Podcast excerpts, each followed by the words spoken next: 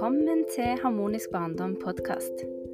Mitt navn er Kaidi Dilani, og dette er podkasten for deg som er mamma eller jobber med barn, og som ønsker mer ro, hvile og tilstedeværelse gjennom dagen sammen med barn. Da ønsker jeg deg eh, en god fornøyelse med Harmonisk barndom podkast.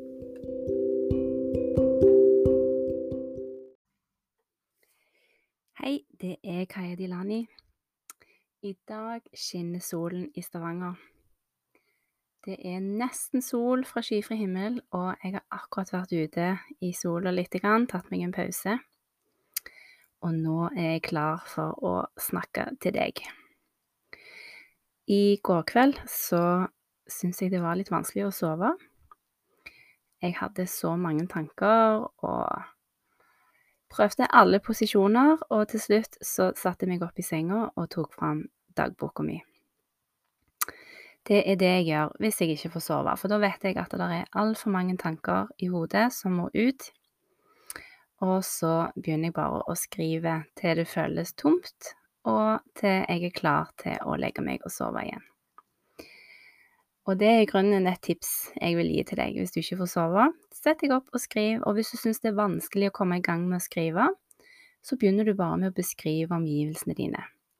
Beskriv rommet du er i, beskriv fargene, beskriv alt du ser. Og så kan du gjerne begynne å skrive om hvordan du føler deg, hvordan du har det. Og så kan du gå over til hva tanker det er du har som gjør at du fremdeles er våken. Og det som Oi, jeg skal bare slippe inn en katt som hadde lyst til å være med på podkasten. Hallo. Så det jeg gjorde i går, da, når jeg eh, ikke fikk sove, det var at jeg begynte å skrive. Og når jeg var ferdig, så hadde jeg en sånn 10-11-12 dikt. Og nå er det en katt som vil ut igjen. Et lite øyeblikk. Du lufte deg i sola?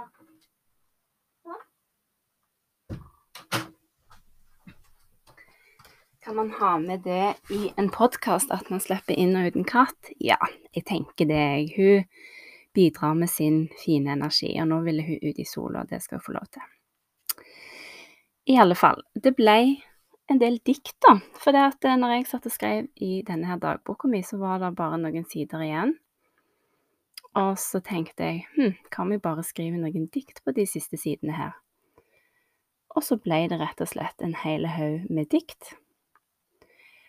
Og når jeg var ferdig, så innså jeg at disse diktene representerer på en måte barna. Dette var dikt fra barn, eller mitt indre barn, kanskje. Mitt lille indre barn som hadde noe å si. Og når jeg vokste opp, så var det en del ting som skjedde som jeg ikke kunne snakke om. Det var veldig mye jeg holdt hemmelig, det var mye jeg ikke tørde å si høyt, eh, verken til foreldrene mine eller andre voksne. Og da sitter en jo egentlig inne på ganske mye informasjon, mange følelser, mange inntrykk som burde ha vært uttrykt. Og så var det akkurat som det kom ut av meg i går, i natt. Og i de andre episodene så har jeg jo lest dikt som min mamma har skrevet, men i dag skal du rett og slett få et dikt helt ferskt ifra i natt som jeg har skrevet. Og en av de tingene jeg er veldig opptatt av, det er å ivareta de høysensitive barna. Og det er ikke sikkert du vet hva høysensitiv er, hvordan det er å være høysensitiv, og hva det egentlig betyr. Kort fortalt så er det at eh, alle sansene er eh, hva skal jeg si, skrudd opp på et nivå som gjør at du, du sanser mye mer. Lyder oppleves sterkere, lys oppleves sterkere, lukter oppleves sterkere. Um, du uh, kjenner klær på huden, altså den sensoriske følelsen er forsterka. Og som regel så har du en evne til å legge merke til andres følelser, og til og med kan du legge merken til hva de tenker omtrent. Altså at du, du nesten vet hva folk skal si før de har sagt det. Det er min opplevelse av å være høysensitiv. Eh, en annen ting er at en gjerne blir fortere sliten av å være med mange mennesker, fordi at en, en på en måte kobler seg på alle menneskene som er i rommet, føler seg mye fram. En har på en måte utvikla noen antenner som gjør at man tar inn mye mer av verden enn noen som ikke er høysensitive. Og jeg har jo jobba masse med barn, både som eh, fløytelærer, og jeg har vært ute i barnehager og hatt masse musikk. Hundrevis av barn har jeg møtt. Og et år jobbet jeg faktisk òg fast i en barnehage for å komme enda mer på innsiden i institusjonen barnehage. Og jeg lurte litt på hvorfor skulle jeg ha jobb i en barnehage når jeg allerede hadde en jobb i en kulturskole. Og da skjønte jeg at eh, jeg skal inn i barnehagen fordi det er noen høysensitive barn som trenger meg der. Og første dag på jobb i den barnehagen, så var det akkurat så jeg var en magnet på alle de høysensitive barna. De, de bare kom til meg. Og da tror jeg at det er en sånn, en sånn Hva skal jeg si Bare en sånn forståelse av at her er det et voksent menneske som forstår meg, fordi jeg sjøl er høysensitiv. Så de kom til meg, og jeg følte at jeg på en måte kunne beskytte dem mot all den støyen og alle menneskene. Jeg kunne skape et rom for disse høysensitive barna i, i, på en måte i, i min energi. Eh, og så kunne jeg òg ta ansvar for å lære opp de andre ansatte i hva det vil si å være høysensitiv, og hvordan vi kan legge bedre til rette for de høysensitive barna. Det er noe med å, å forstå signalene eh, ungene da sender ut.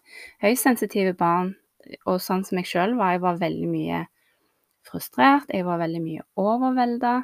Jeg hadde veldig mye følelser, det var veldig mye som skulle ut, og jeg kunne jeg kunne grine og grine, så hadde jeg mange tårer uten at jeg egentlig visste hvorfor. Men det var jo fordi jeg var overstimulert. Og disse ungene trenger at det er noen voksne som forstår det, som ikke begynner å skal distrahere og tøyse og tulle og få disse ungene til å slutte å grine. For hele poenget er at de trenger en ventil, de trenger å få ut alt det de har tatt inn.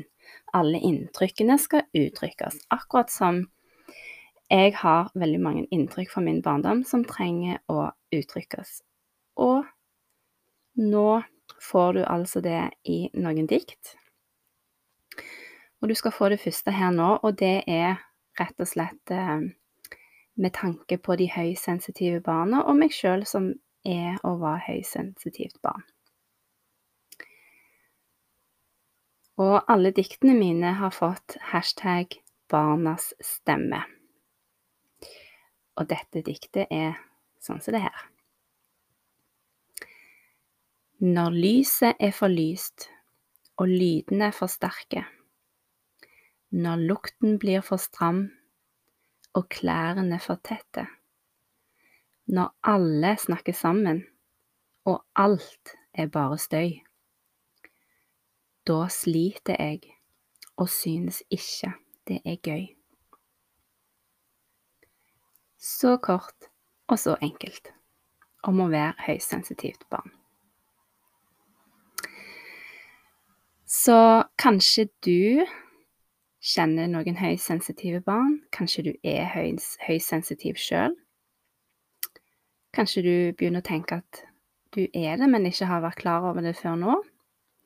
Det finnes veldig mye god litteratur, så du kan lese om dette, og selvfølgelig nå er det jo veldig mye tilgjengelig på internett. Ta gjerne kontakt hvis du har lyst til å snakke om dette, og få noen flere tips. Og hvis du har et barn som er høysensitiv, eller jobber med barn som er høysensitive, så håper jeg at det, dette ga deg en liten tankevekker og en inspirasjon til å, til å ta ekstra godt vare på de høysensitive barna. Jeg skal poste dette diktet på min Facebook-side Harmonisk barndom, så kom gjerne inn der senere i dag, og så kan du lese diktet en gang til. Da ønsker jeg deg en god dag videre.